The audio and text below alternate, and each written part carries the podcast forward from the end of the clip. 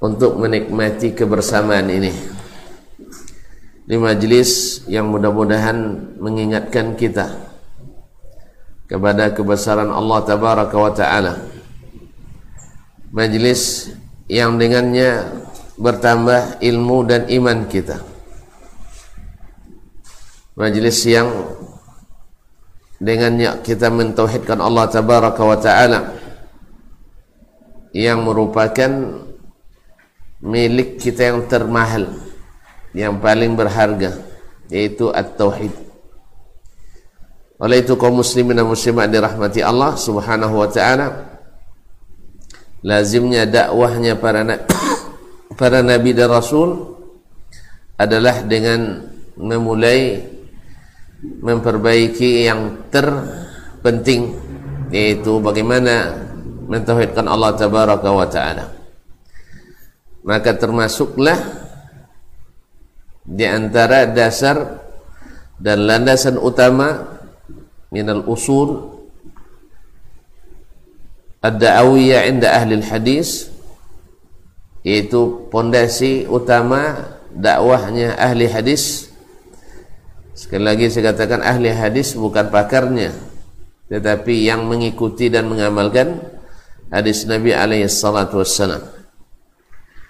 Seperti yang dikatakan oleh Imam Ahmad rahimahullah, ahlul hadis kullu man yasta'milul hadis.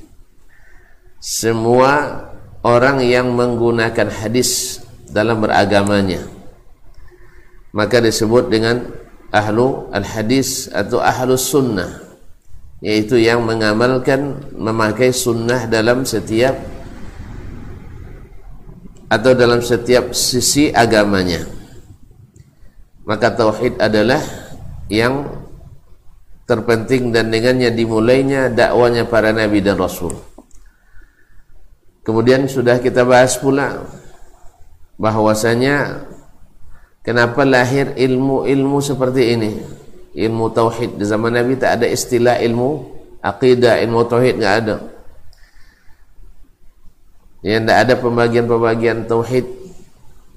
Baik tauhid dengan pemahaman ahlus sunnah wal jamaah itu terbagi kepada tiga ar-rububiyah al-uluhiyah wal asma' was sifat atau istilah-istilah lain itu juga tidak ada. Tetapi istilahnya yang tidak ada pada hakikatnya ada. Sama dengan ilmu apa pun seperti yang kita jelaskan pada pertemuan sebelum ini ilmu bahasa di saat bahasa orang Arab itu belum ada rusaknya mereka tidak perlu ilmu-ilmu alat. Seperti ilmu dabt ilmu mendabit kalimat ilmu tashkil membarisinya. Mereka tidak perlu ilmu wakaf ibtida ilmu tajwid. Karena mereka semuanya bahasanya masih masih utuh demikian juga dengan pemahaman di saat mereka dengan mudah memahami Al-Quran dan Sunnah Nabi alaihissalatu wassalam. Murni tidak bercampur dan terkontaminasi. Mereka juga tidak memerlukan ilmu-ilmu alat seperti kita ilmu qawaidul al-qawaid al-usuliyah al-qawaid al-fiqhiyah dan seterusnya.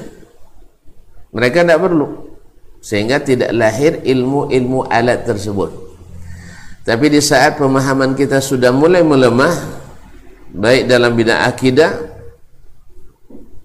ataupun bidang ibadah ahkam atau menyimpang maka diperlukan alat-alat untuk memper untuk memudahkan dan memperbaikinya. Sama kita hari ini semakin banyak teknologi semakin lemah kita. Ya, dulu berjalan dari sini ke Mangkinang biasa kan? Kan orang dulu biasa di jalannya.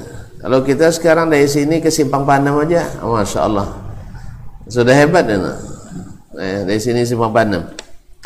Dulu orang jalan kaki ke ke Sumatera Barat. Jadi Allah itu kaum muslimin. Makanya kebanyakan alat itu kadang-kadang justru melemahkan kita.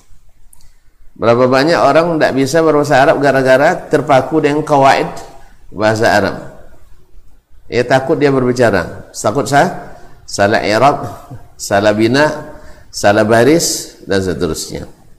Sehingga ada istilah sakin taslam sakin taslam bikin mati semuanya selamat. Iya kan? Iya gitu ya? Bikin mati seluruhnya selah selamat. Daraba zaid amr nah, selesai masalah. Tak apa tak amrun tak amran tak jelas. Nah. sakin taslam maka juga dalam akidah ini. Kenapa lahir pembagian ini? Walaupun hakikatnya semuanya ada. Ulama hanya mengistimbat mengambil dari bahan yang sudah ada. Dari bahan yang sudah ada. Ada yang bisa dengan bahan yang sama menciptakan produk yang mahal ada dengan bahan yang lah sama menciptakan produk yang yang ah yang murah apa contohnya tepung misalnya Orang dengan tepung bisa bikin roti mahal. Ya tak? Tapi macam kita paling-paling bikin godok balado. Akhirnya jualnya seribu. Orang jual se 25 ribu sebuah. Dengan bahan yang sama. Asbah dasarnya. Demikian juga dalam masalah Al-Quran hadis ini. Ada orang dengan Al-Quran hadis menciptakan produk yang original. Asli. Seperti Ahlus Sunnah wal jemaah. Tapi ada yang dengan bahan yang sama menciptakan produk kah? Produk kah? KW. Akhirnya harganya harganya ya murah. Makanya mana yang lebih banyak dibeli orang yang mahal apa yang murah? Serius nih. mana orang yang lebih banyak beli donat atau beli gorengan? Alhamdulillah. Paham rupanya. Mana yang lebih banyak? Beli eh, lontong beli lontong atau beli apa ya makanan mahal ya antum yang tahu tak coba ya makanan lontong atau pizza misalnya kau muslimin muslim lebih banyak beli? Beli? Lontong. Lontong dengan lima ribu kenyang. Pizza dengan lima puluh ribu belum tentu kenyang. Allah musta'an. Kaum muslimin dan muslimat dirahmati Allah. Oleh sebab itu, maka semakin ahli dengan kedua Al-Quran dan Sunnah ini, semakin menggunakan bahan-bahan yang original asli, maka semakin bermutu produknya. Tapi bila dicampur dengan yang asli dengan yang bukan asli, imitasi, tentu produknya produk yang yang murah pula.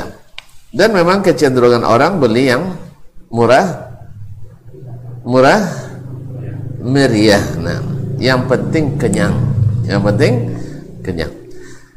Baiklah kaum muslimin dan muslimat dirahmati Allah. Nah di antara yang berbahan asli seperti yang tuan lihat sendiri adalah pembagian tauhid ini kepada tiga tauhidul rububiyah wa tauhidul uluhiyah wa tauhidul asma'i was sifat. Coba lihat bahannya asli semua. Bahannya as asli bukan bukan produk bumi tapi produk ah bukan produk bumi tapi produk langit. Mana yang tinggi langit daripada bumi? Alhamdulillah. Jadi high quality tinggi kualitasnya. Apa sebab karena dia tinggi datang dari yang maha tinggi coba lihat kemarin kan sudah kita bacakan dalil-dalil tentang tauhidur rububiyah sah apa makna rob kemarin yang memiliki, yang mencipta, yang memelihara, yang memberi rezeki. Sah? Nah, dalilnya dari mana kemarin? Al-Quran dan dari Al-Quran semua. Coba lihat. Misalnya yang pertama itu ulang lagi nah. Nah, yang pertama wallahu yuhyi wa yumit wallahu bima ta'maluna basir. Allah yang menghidupkan dan mematikan. Ini produk asli. Langsung diturunkan Allah Subhanahu wa taala. Ini sebagai contoh dan dalam Al-Quran bersepah di dalamnya. Ya, topik bahasa bersepahnya. Di mana-mana ada berjibun. Dalam hadis lebih banyak lagi. Enam. Wa ka uh, wa ka'ayyi min dabatin la tahmilu rizqaha. Allah yarzuquha yarzuquha wa. Berapa banyak hewan melata yang tidak membawa rezekinya sendiri. Allah yang berikan rezeki kepadanya dan kepadamu. Kita sudah ceritakan bagaimana kemarin burung apa? Gagak ya bisa. Iya. Maknya tak mengakui dia anak, pasalnya bulunya belum hitam. Dia tengok bulu hitam tak sama, ah. curiga dia.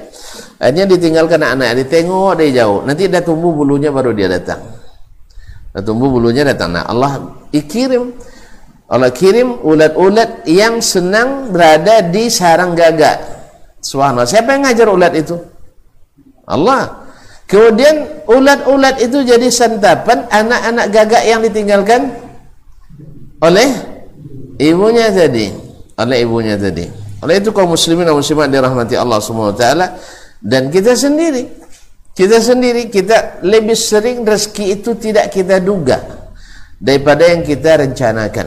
Daripada yang kita rencanakan. Allah yang memberikan rezeki kepada mereka dan kepadamu.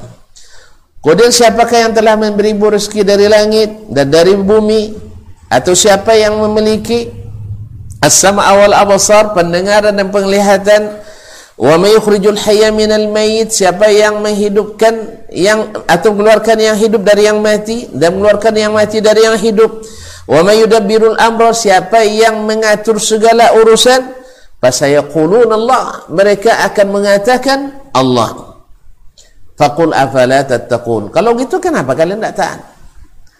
Ya, kenapa kalian tidak bertakwa? Artinya diperintahkan kenapa tidak mau? Dilarang kenapa tidak mau? Padahal kalian sudah mengakui dia yang menghidupkan, dia matikan, dia dan dia menumbuhkan, dia yang apa namanya? Uh, mengatur segala segala urusan tersebut. Oleh itu kaum muslimin dan muslimat dirahmati Allah SWT ini adalah tauhid ar-rububiyah yang wajib diyakini dengan sempurna. Tidak ada keraguan padanya. Tidak ada ragunya kita. Bahawa Allah mencipta, Allah yang mengatur, Allah yang menghidupkan, Allah yang matikan, Allah berrezeki. Sah? Allah yang menentukan. Nah, oleh itu kaum muslimin dan muslimat dirahmati Allah, maka uh, bahan-bahannya ini semua asli. Terserah antum nak beri nama tauhidnya. Kalau tidak mau ini tauhidnya orang Wahabi misalnya, ganti aja nama, tidak penting, tidak masalah. Yang penting kita sama-sama berkeyakinan bahawa tidak ada pencipta selain Allah, tidak ada pemberi rezeki selain Allah, tidak ada yang hidup dan mati kecuali Allah tabaraka. Dah selesai. Antum kasih nama silakan aja, tidak ada masalah. Insyaallah kita tidak protes nah. Nak kasih nama tapi jangan bilang ini tauhid trinitas. Nah, kan itu antum namanya mengada-ngada itu. Ayat Al-Qur'an sejelas ini antum bilang trinitas. Ya, trinitas itu apa maknanya? Menyekutukan Allah ini apa namanya? Men mengesahkan Allah, mentuhankan Allah Subhanahu wa taala. Makanya kadang-kadang orang-orang ini kalau udah benci itu begitu gitu. Benci tak boleh berlebihan. Ya, benci tak boleh tak suka namanya rububiyah kasih nama yang Kasih nama yang lain nak tauhid apa nama silakan. Silakan, tidak ada masalah. Tauhid rizqiyah namanya tidak masalah. Tauhid khalqiyah tidak masalah. Ya. Cuman ulama menyebutkan itu rububiyah. Karena dalam Al-Qur'an alhamdulillahi rabbil alamin. Qul man rabbus samawati wal ardh. Allah menyebutnya Rabb semuanya. Maka masalah istilah seperti menurut para ulama la musahata fil istilah. Soal masalah istilah ini gaya pakai tidak ada masalah. Yang penting pengertiannya sah. Pengertiannya sah?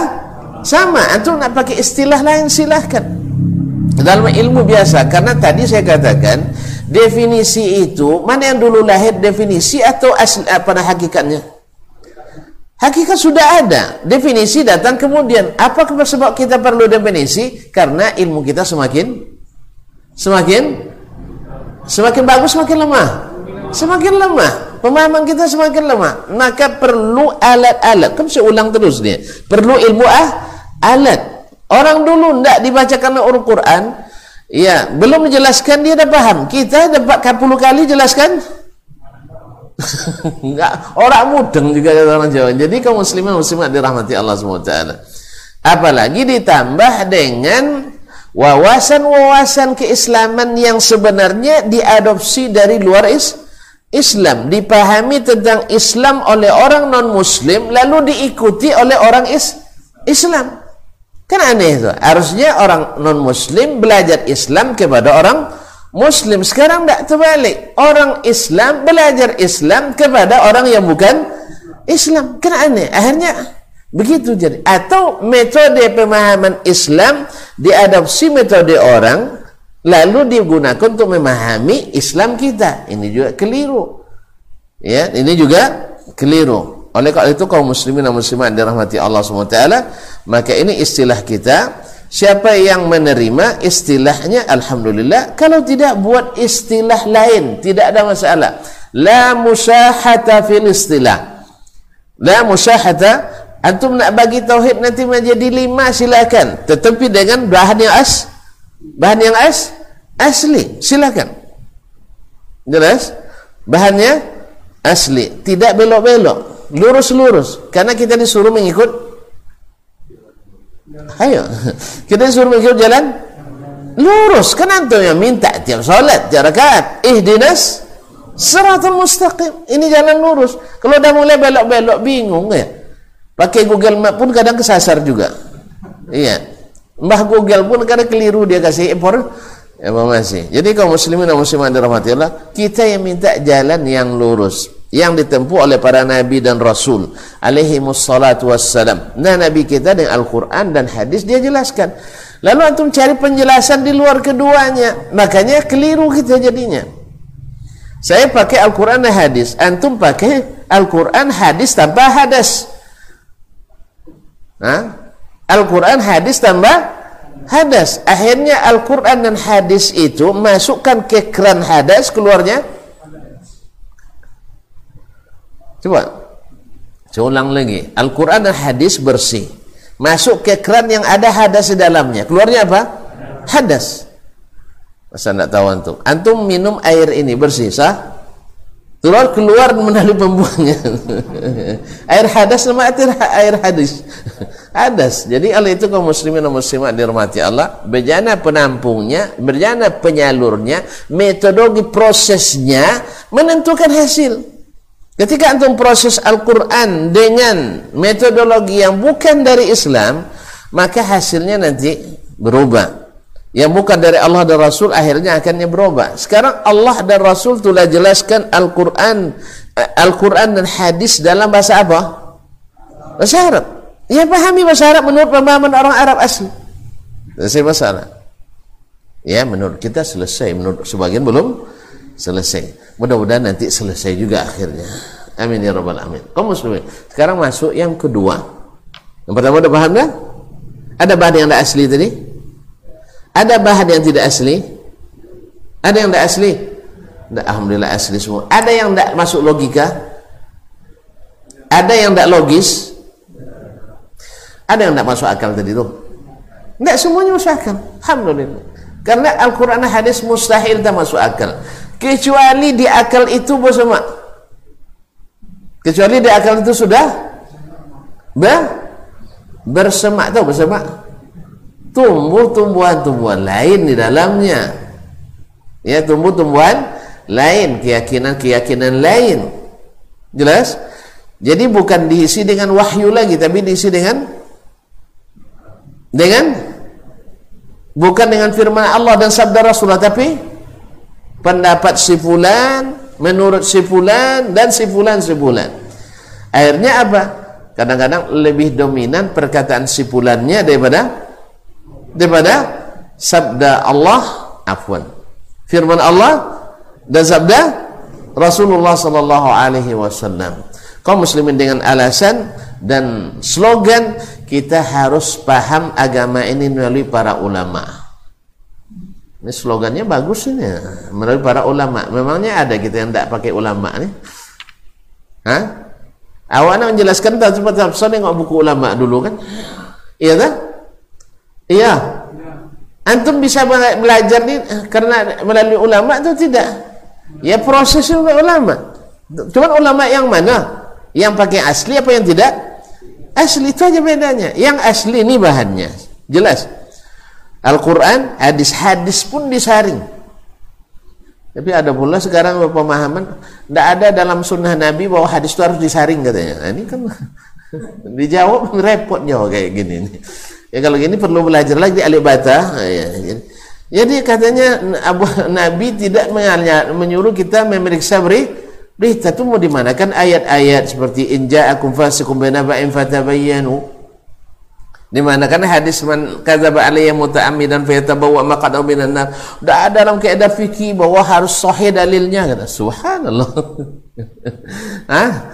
Subhanallah wala taqfu ma laysa laka bihi ilmu inna as-sam'a wal absara wal fuada kullu ulaika kana anhu mas'ula. Kan ayat-ayat itu? Tapi aneh benda ajaib. Ada pula artikelnya kayak gitu tuh. Saya ditanya gitu, gimana nih Ustaz katanya? Gitu aja kok repot loh.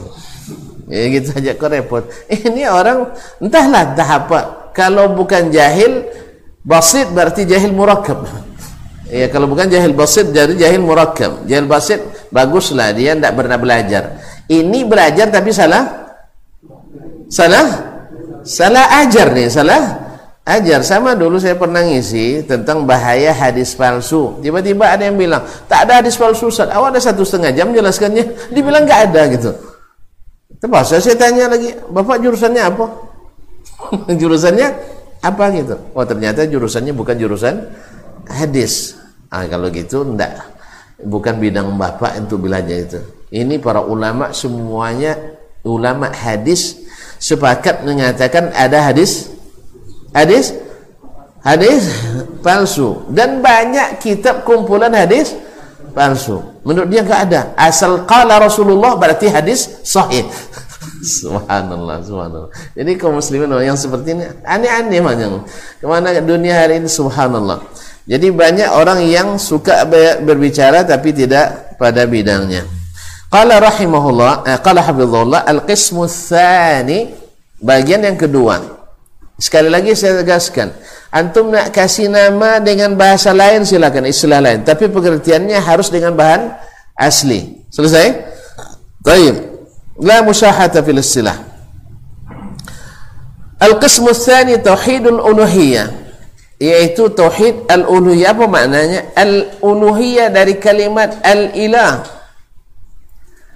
apa makna ilah huwa alladhi ta'lahuhu al-qulub huwa alladhi ta'lahuhu al-qulub yaitu yang digandrungi oleh hati kita yang dicintai oleh hati kita wa tadinu lahu bitta'ah wal hubbi wat ta'zim dan terikat dengannya dengan taat cinta dan ta'zim. Jadi merasa terikat hatinya dengan ilah ini. Dengan apa? Taat cinta dan ta'zim. Wala ta'si lahu amra. Dan tidak durhaka atau tidak mendurhakai satu pun perintahnya. Nah, kalau sudah sampai begitu itu namanya al al ilah. Makanya ada orang yang menjadikan hawa nafsunya sebagai ilah. Afara'aita man ittakhadha ilahahu hawa. Kenapa? Karena dia cintai itu dan dia taati apa pun yang didiktekan oleh hawanya dia taati tidak ada yang dia durhakai hawanya. Makanya dia jadikan hawa itu sebagai ilah. Dia lebih gandrung kepada hawanya daripada selainnya. Oleh itu ada orang yang menjadikan ilahnya hawanya. Ilahnya hawa, hawanya. Wa makna tauhidul uluhiyah makna mentauhidkan Allah dalam uluhiyahnya atau makna tauhidul uluhiyah adalah ifradur rabbi ta'ala bil ibadah yaitu mengkhususkan Allah yaitu mengesakan Allah dengan apa? Dalam beribadah kepadanya. Wa ta'lih. Nah tadi ta'lih tadi dari ilah yaitu ketaatan yaitu cinta ta'zim dan wa dan taat. Wal istiqamatu ala amrih. Dan istiqamah mengikuti perintahnya. Wa amri nabiyhi sallallahu alaihi wasallam dan perintah nabinya sallallahu alaihi wasallam. Apa hubungannya pula dengan tauhid ini ha yaitu, istiqamah di atas perintah Nabi alaihi salatu wassalam karena kita tidak tahu apa yang diinginkan Allah dari kita dalam beribadah kecuali melalui Rasulullah sallallahu alaihi wasallam. Kita tidak tahu. Kecuali melalui Nabi alaihi salatu wassalam baik melalui perkataan beliau yang dia perintahkan atau larang atau melalui perbuatan beliau yang dilihat dan dicontoh atau melalui takrirnya dilihatnya sahabat atau didengarnya sahabat dan beliau sahkan dan beliau setujui. Maka ini menjadi sunnah Nabi alaihi salatu wassalam wa adamul isyraki ma'ahu fil ibadah. Dan tidak menyekutukan bersama Allah dalam beribadah seorang pun. Wa tarku andad. Dan meninggalkan atau tidak menjadikan tandingan-tandingan wal wasa'id dan perantara-perantara ma'ahu bersamanya wa ilaihi dan kepadanya. Menjadikan tandingan-tandingan bersama Allah atau menjadikan perantara-perantara kepada Allah Subhanahu wa taala. Masuk waktu? Baik. Wa tarkal istishfa' wa tawassul ilaihi illa bima adina fihi mimma warada mash'uriyatu fil kitab was sunnati as-sahihati tsabitati 'an nabi sallallahu alaihi wasallam dan meninggalkan meminta syafaat dan tawassul kepadanya kecuali bukan menolak semua syafaat tidak. Tetapi dengan syarat illa bima azina fihi kecuali dengan cara yang diizinkannya. Kecuali dengan cara yang diizinkannya. Dari mana kita tahu? Ya dari Nabi alaihi salatu wassalam. Mimma warada masyru'iyatuhu yaitu yang ada dalil syariatnya. Fil kitabi dalam Al-Qur'an dan sunnah yang sahih yang thabit dari Nabi sallallahu alaihi wasallam. Wa la yatahaqqaq illa bi tahqiq syarat al-ikhlas bi umum at wal ibadat dan ini tak mungkin teraplikasikan, tak bisa diimplementasikan, tak bisa dilaksanakan kecuali dengan mengaplikasikan syarat ikhlas dalam semua ketaatan dan semua ibadah. Masyaallah kiram ya rahmati Allah SWT. Nah, tauhid yang uluhiyah ini atau tauhid al-ubudiyah ini la yatahaqqaq tak mungkin terlaksana kecuali dengan mengaplikasikan syarat ikhlas. Fi umumil ta'at wal ibadat dalam semua ketaatan dan ibadah. Masyaallah kiram dirahmati Allah apa itu ikhlas? Ikhlas itu pertama yaitu meniatkan beribadah karena Allah.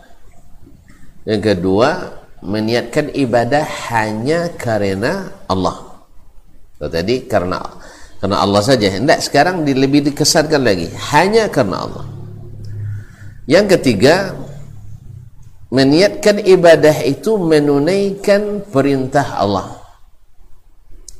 Dan yang keempat adalah beribadah hanya hanya mengharapkan pahala dari Allah taala. Ini secara perinciannya.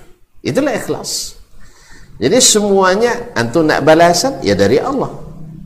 Antum beribadah hanya karena Allah dan hanya karena mengikut perintah Allah. Makanya jelas dulu.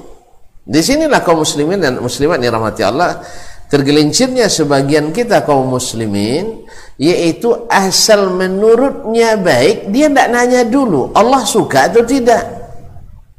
Karena rumusnya kita na'budullah kama yurid la kama nurid. Kita beribadah kepada Allah seperti yang Allah kehendaki bukan seperti kita kehendaki. Itulah perlunya diutusnya para nabi dan rasul. Sebab kalau seandainya boleh kita beribadah sesuai yang kita inginkan untuk apa Nabi dan Rasul menjelaskan? Untuk apa Nabi Rasul diutus untuk mencontohkan? Karena kita, semua kita punya pikiran ini baik menurut kita, kita laksanakan. Dan ketahuilah, semua kesesatan yang terjadi dalam beribadah kepada Allah ada enggak yang berprasangka buruk Hah? ini saya tahu amalan ini buruk nih tapi Allah terima juga nih ada Hah? Orang jahiliyah sendiri pun tidak mengira seperti itu. Dia semua orang jahiliyah sendiri menyangka yang mereka lakukan itu baik. Yang mereka lakukan itu baik. Oleh itu kaum muslimin dan muslimat dirahmati Allah SWT tidak kita harus karena pahala itu kan kita akan kita minta dari siapa? Dari dari siapa? Dari Allah karena yang bisa beri pahala itu kan hanya Allah taala ya ulama tidak bisa kasih pahala Ulama hanya menjelaskan atas nama Allah. Kalau dia salah dalam menjelaskan atas nama Allah, tanggung jawab nanti besar. Ya, tiba-tiba tanda tangan. Makanya baca kita Ilamul Muwaqqi'in Ar-Rabbil Alamin oleh Ibnu Qayyim rahimahullah taala sesungguhnya fatwa itu sama dengan menandatangani surat dari Allah taala. Ini yang saya perintahkan. Nah, jangan salah-salah tanda. Jangan salah-salah tanda. Tanda tangan. Ada di temuan nanti. Cuma temuannya bukan di KPK bukan di BPK tetapi di pengadilan ilahi di akhirat. Di sana nggak berlaku lagi namanya lobby-lobby tidak ada. Apalagi labi-labi ya ada cerita lobby-lobby lagi waktu itu yang ada adalah kalau bukan rahmat Allah maka kita diberikan nah, tanggunglah dosa yang telah engkau tanda tangani ini Makanya seorang ulama, seorang dai itu wajib berhati-hati.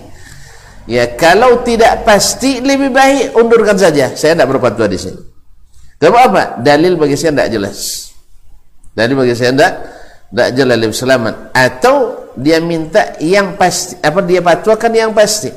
Menurut saya ikut yang jelas dari Nabi SAW itu saja laksanakan. Apa sebab? Sebab semua kita sepakat yang dari Nabi pasti diterima Allah. Kalau kita ikhlas. Yang dari Nabi pasti sahnya. Tidak berspekulasi lagi. Tapi yang dari selain Nabi SAW berspekulasi. Buktinya apa? Tak ada yang disepakati. Sesuatu yang diada-adakan dalam ibadah kepada Allah ada yang disepakati. Ada yang ijma' Kadang klaim ijma klaim sepihak aja. Maksudnya ijma ulama yang ijma ulama mana? Mereka. Seperti kemarin ada ijma di konferensi ulama sedunia katanya yang hanya melibatkan orang-orang tertentu saja. Lau ijma bahwa al-sunnah wal jamaah itu mesti fikihnya ini, akidahnya ini, tawasawufnya ini, tarekatnya ini. Taib ijma siapa? Ijma orang-orang itu itu yang dimaksud dengan ijma. Hah? Ijma itu adalah ijma seluruh ulama kaum muslimin dari semua dari semua mazhab, dari semua pemahaman. Tapi kalau hanya ijma sepahaman itu itu tidak ijma namanya. Itu namanya Hah? Apa nama itu? Sekongkol namanya itu, sekongkol, sekongkol, tidak ijma. Apalagi ada yang bilang asal udah ijma ulama Indonesia semua ijma itu. Nah ijma itu bukan itu kaum muslimin. Makanya kaum muslimin dan muslimat Imam Ahmad sangat hati-hati menukil ijma. Ini ada yang dengan PD mengatakan ijma ulama Islam seluruh dunia katanya. Yang ikut di konferensi itu aja banyak yang cabut kembali. Yang ikut di situ mencabut kembali barak dari hasil muktamar ini karena muktamar gagal Kemudian di sebuah negara bekas jajahan komu, jajahan komu, komunis. Pimpinannya adalah eh apa namanya di bawah tekanan Rusia. Allah musta'an. Kalau tidak mau dikatakan boneka, Rusia saya tidak suka masalah bahas masalah ini. Ini masalahnya ke ke Nah, kaum muslimin dan muslimat itu tidak ijma namanya. Itu bukan ijma namanya. Jadi kaum muslimin dan muslimat yang dirahmati Allah, maka pastikan ketika melakukan amalan ini disuruh Allah atau atau lawan disuruh apa? Atau tidak. Ya, disuruh Allah atau atau tidak. Kalau disuruhnya pasti dalilnya lanjut. Orang mau bilang apa itu urusan mereka, bukan urusan kita. Tapi kalau tidak pasti, lebih baik tinggalkan saja. Sebab kita bekerja tak jelas gaji. Dah joleh gaji kadang lambat juga turunnya kan. gaji yang dah jelas saja kadang lambat turunnya. Apalagi yang tidak tidak jelas. Makanya di sinilah kita ahlus sunnah itu sangat berhati-hati ya dan sangat kasihan kepada kaum muslimin bukan karena marah enggak ini sebagai menafsirkan benci sama kaum bukan. Kita ingin kaum muslimin ini beramal itu seperti yang Allah kehendaki. Dan Rasul sallallahu alaihi wasallam tuntun. Kalau tidak ada takut kita nanti sia-sia. Pasalnya apa? Orang yang tahu ini tidak disunahkan lalu dia punya ilmu tentang itu didiamkan. Berdosa apa enggak? Berdosa makanya kepada seluruh saudaraku kaum muslimin kalau ada yang tertegur waktu itu izinkanlah menyampaikan kewajiban. Menyampaikan kewajiban. Setelah itu tentu ada lanjutkan tuan tapi kami punya kewajiban. Apa sebab salah kami adalah kenapa berilmu dalam masalah itu? Kenapa berilmu dalam masalah itu? Nah. Kaum muslimin karena menyembunyikan ilmu itu tidak tidak terpuji. Bahkan nanti kita tidak lulus uji di mahkamah ilahi. Allahumma musta'an. Kaum muslimin dan muslimat dirahmati Allah. Jadi Allah berfirman waqad qala. Jadi ikhlas sudah tahu tadi ya? Dah? Ulang lagi. Beribadah karena Allah. Kemudian meniatkan ibadah hanya karena Allah. Kemudian meniatkan ibadah menunaikan perintah Allah. Kalau tidak ada perintahnya jangan kerjakan. Tidak ada SK kemudian harus sesuai SOP-nya ya kan gitu? Ya tuntun aja di masalah dunia kok ketat sekali masa di akhirat tuntun tidak tidak teliti. Ya sudah ada SK tapi tidak sesuai SOP bermasalah tidak pencairannya? Hah? ada SK tapi tidak sesuai SOP bermasalah tidak pencairan dananya? Gaji? Masalah. Makanya ikuti pastikan SK-nya ada perintahnya kemudian ikuti S SOP-nya supaya pencairan tidak tidak tertunda atau bermasalah sebab setiap yang keluar jalur utama pasti dipertanyakan anda bikin kebijakan dari mana? Oh, Ustaz Dasman yang fatwakan. Panggil Dasman. Siapa yang bilang? Guru saya. Guru dipanggil lagi. Akhirnya baru ngaku. Salah saya Allah katanya. Untung-untung Allah maafkan. Kalau enggak. Ah, gara-gara fatwa kamu di Dasman nih. Puluhan ribu orang mengikutinya. Keliru. Keliru. Adanya Allah tidak hisap sebagai dosa. Cukuplah mereka menyesal. Dah capek-capek beramal tapi tidak tidak ada hasilnya wujuh yawma izin khasyi'ah khasyi'ah dulu iya khasyi'ah terus amilatun nasibah hari itu wajah-wajah tertunduk lesu. Kenapa? Karena beramal bersusah payah tapi tidak berguna. Apa sebab? Sebabnya dua. Satu tidak ikhlas. Kedua tak sesuai. Tanpa SK dan tak ada SOP jelas ya? Jelas ya kalau tak jelas tak? Saya lanjutkan. Orang dah solat ya kita belum. Itu muslimin dan musliman dirahmati Allah. Apa dalilnya? Oh qala ta'ala. Kita sampaikan tadi harus bahan as asli Allah berfirman qul inna salati wa nusuki wa mahyaya wa mamati lillahi rabbil alamin. Katakan Nabi Muhammad sesungguhnya salatku wa nusuki dan manasikku dan sini diartikan oleh para ulama adalah sembelihanku ibadah sembelihanku. Berarti nyembelih itu ibadah. Kaum muslimin muslim apa sebab dikhususkan istilah sembelihan di sini? Nusuk. Tak tahu juga tuan-tuan. Bilang tak tahu biar saya kasih tahu. Karena termasuk yang selain kemarin kan kita banyak syirik gara-gara doa kan? Dan tidak sedikit syirik gara-gara menyembelih. Sah? Betul enggak? buka sasana tinju sembelih. Bukan karena Allah. Bangun rumah sembelih. Bukan karena Allah. Buat jembatan sema. Bukan karena Allah. Hidupkan budaya nenek moyang sembelih. Kepala kerbau antar ke teluk. Muara. Bukan karena kok? Tidak ada ya? Tidak pernah dengar? Bukan pernah lagi. Selalu dengar. Nah jadi oleh sebab itu Allah khususkan karena pintu masuknya banyak di sini. Sebagaimana Allah juga melarang kita berdoa bersekutukan Allah dalam doa. Kenapa? karena banyak sekali syirik datang dari bab dari bab doa. Banyak syirik datang dalam bab menyem menyembelih. Jelas ya? Makanya Allah tegaskan qul inna salati wa nusuki wa mahya. Dan sampai hari ini masih banyak orang menyemah. Minimal meneteskan darah ayam ya. ayam hitam terbang senja ke rimba pula. Payah carinya sih kayak Bani Israel disuruhnya beli sapi dulu kan banyak tanya payah nyarinya. Ya syarat-syarat itu kaum muslimin dan muslimat. Makanya Allah khususkan wa nusuki wa mahyaya wa mamati lillah rabbil alamin. Dan hidup serta matiku lillahi rabbil alamin. Bagi Allah hanya bagi Allah Rabb sekalian alam ma'asyarul kiram dirahmati Allah SWT tidak sedikit mohon maaf ya. Tidak sedikit kaum muslimin yang melaksanakan sembelihan-sembelihan yang syirik ini. Mereka dengan niat baik atau dengan niat buruk? Niat baik Alhamdulillah. Bahkan bacaan-bacaannya bacaan baik atau bacaan buruk?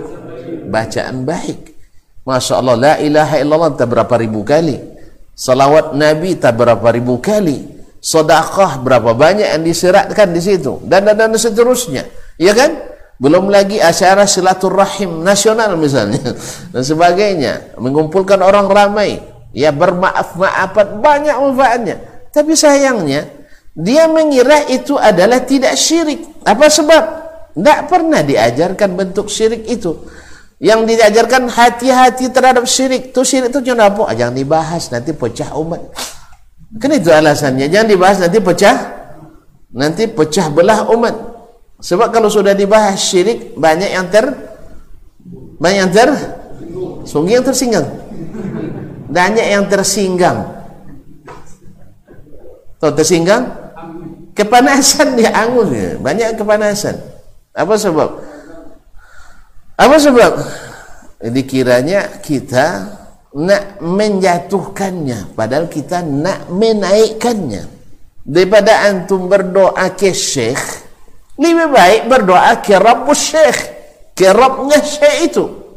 Daripada antum betul-betul berharap makbul doa di kuburan Syekh, lebih baik antum berniat atau berkeyakinan makbul doa di rumah Rabbus Syekh. Di mana? Di masjid. Mana yang makbul doa di kuburan daripada di masjid? Hah? Sejelas itu Nabi katakan Ya Nabi katakan tetapi lebih percaya dengan hasil-hasil pengalaman pribadi orang saya kalau ke kuburan Sianu makbul doa saya lebih kuat lagi pengalaman pribadi itu daripada dalil-dalil yang jelas dalam Al-Quran dan Sunnah Nabi alaihissalatu wassalam. Banyak cerita-cerita orang-orang zuhud kadang-kadang ziarah ke kuburan si fulan doanya dikabul dikabulkan. Lebih percaya dengan kisah-kisah itu daripada yang sahih dari Nabi alaihissalam jangan jadikan kuburanku sebagai berhala yang disembah. Jelas? Berhala yang disembah. Makanya sahabat setelah Nabi wafat tidak ada yang merasa berharap berdoa di dekat kuburan Nabi lebih mus mustajab itu yang saya ketahui Ha? Ada setiap merebak ayo kita dekat kuburan Nabi kita berdoa. Ada? Saya tahu saya tidak ada. Ada itu kaum muslimin dan muslimat dirahmati Allah SWT Maka ditegaskan tidak, tidak sedikit dari saudara-saudara kita yang melakukan ritual-ritual itu Ketika disebutkan tu Ini tidak syirik Oh tidak Kita berkeyakinan yang mencipta itu hanya Allah. Yang memberi manfaat itu hanya Allah. Yang mendatangkan mudarat itu hanya Allah. Itu keyakinannya. Seperti tadi. Cuman di sini dia tidak paham. Inilah syirik yang paling dilarang oleh Allah dan para Rasul alaihi wassalatu wassalam. oleh sebab itu kenapa? Karena disebutkan syirik itu bahaya. Tapi seperti apa syirik tak boleh dibahas ini kalau dibahas nanti ah ini masalah. Membaca belah umat. Sehingga umat dibiarkan tergatung-gatung pokoknya jangan menduakan Allah lah. Macam mana aplikasinya tak disebutkan. Sehingga bersebarlah di masyarakat. Walaupun tiap hari bilang innallaha la yaghfiru isyraka bihi. Allah tidak ampuni dosa syirik. Oh kita tidak syirik lah. Terus kenapa berkeyakinan kalau masuk pada sakit gitu Oh itu tidak syirik itu keyakinan orang tua tu kata. Ini kepercayaan nenek mah moyang. Jadi tidak tidak dipahami. Atiyara syirik. Jadi sifat pesimis dengan tanda-tanda yang tidak Allah jadikan sebagai tanda dalam alam itu termasuk si syirik. Ini tidak boleh dibahas sebab ini memecah belah umat. Karena kan banyak nanti terbahas itu. Tak ada sesajen, tidak ada apa namanya yang bulan Muharram apa namanya? Hah? Syura ya? Apa? Ya, antum yang paham saya tidak paham tuh.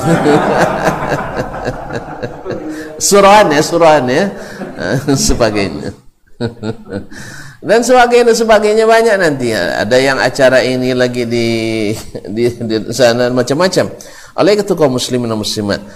Uh, belum lagi ya seperti orang-orang uh, Syiah melakukan ritual-ritual tertentu dan sebagainya. Tak boleh dibahas. Ini masalahnya masalah sensitif.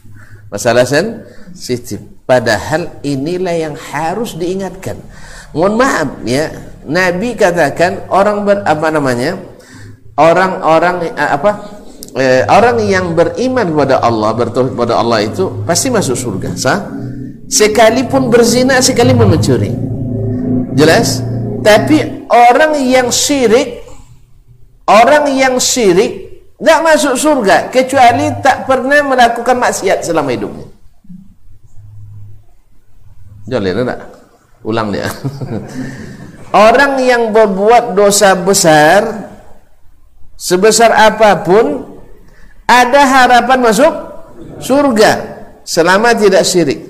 Tapi orang yang berbuat syirik sekecil apa pun syirik ya ya walaupun hanya berkorban seekor lah lalat menyembelih tadi kan tapi bukan karena Allah SWT berkorban seekor lalat sekalipun tak pernah berbuat maksiat dalam hidupnya tak ada judi, tak ada narkoba, tak ada zina, tak ada mencuri, tak ada riba, tak ada adu domba, tak ada, tak ada semuanya.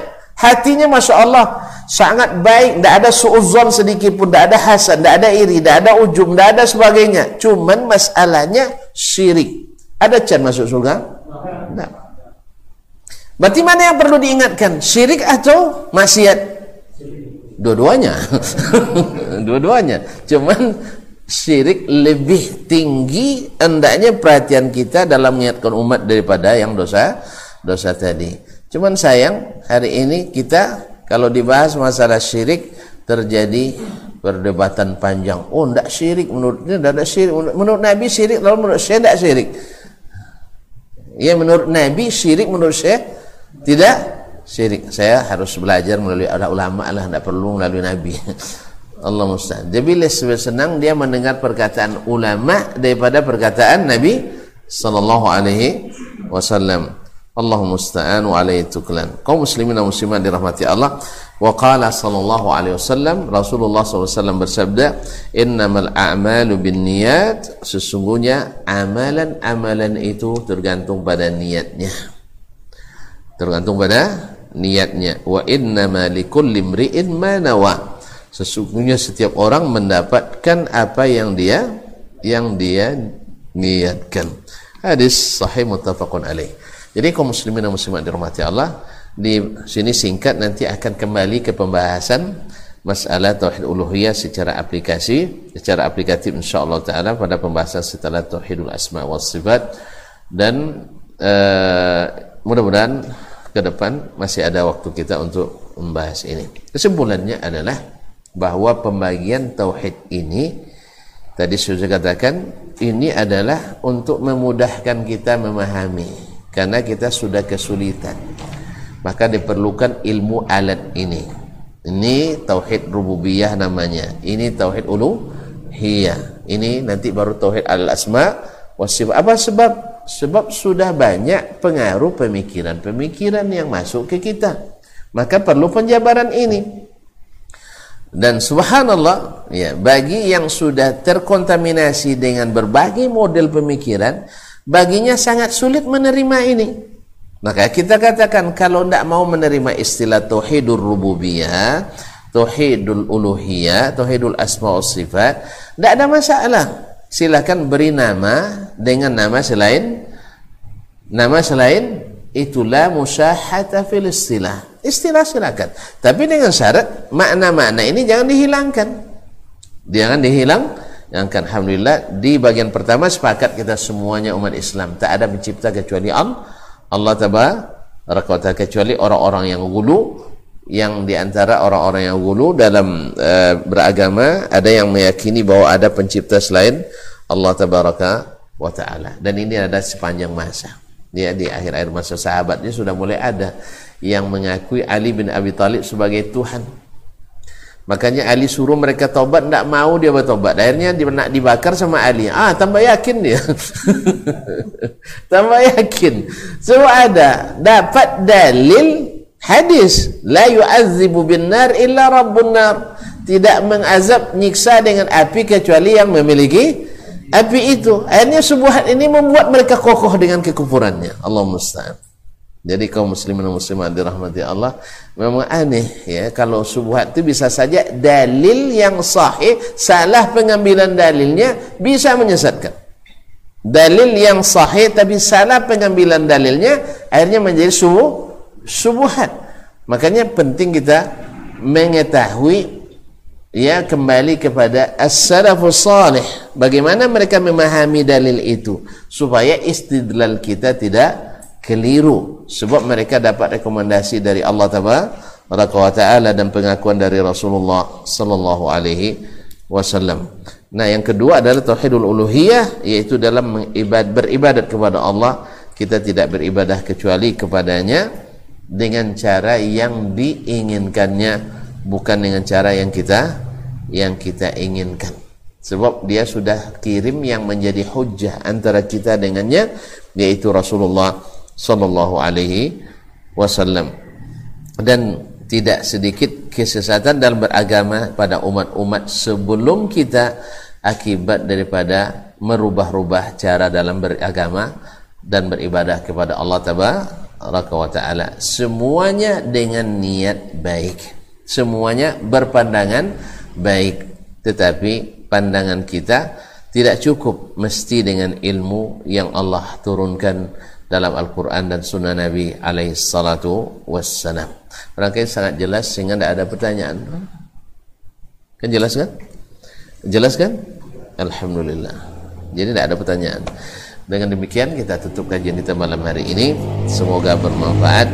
Yang salah itu kelemahan saya dan mungkin dari syaitan. Semoga Allah mengampuni dan tuan-tuan dan perempuan bisa memaklumi. Yang benar semata-mata taufik dari Allah. Semoga Allah berikan manfaat dan dimudahkan kita memahami serta mengamalkannya dalam kehidupan sehari-hari. Terima kasih. Wallahu taala alam ala nabiyyina Muhammadin wa subhanakallahumma wa bihamdik asyhadu an la ilaha illa astaghfiruka wa atubu ilaik. Wassalamu alaikum warahmatullahi wabarakatuh.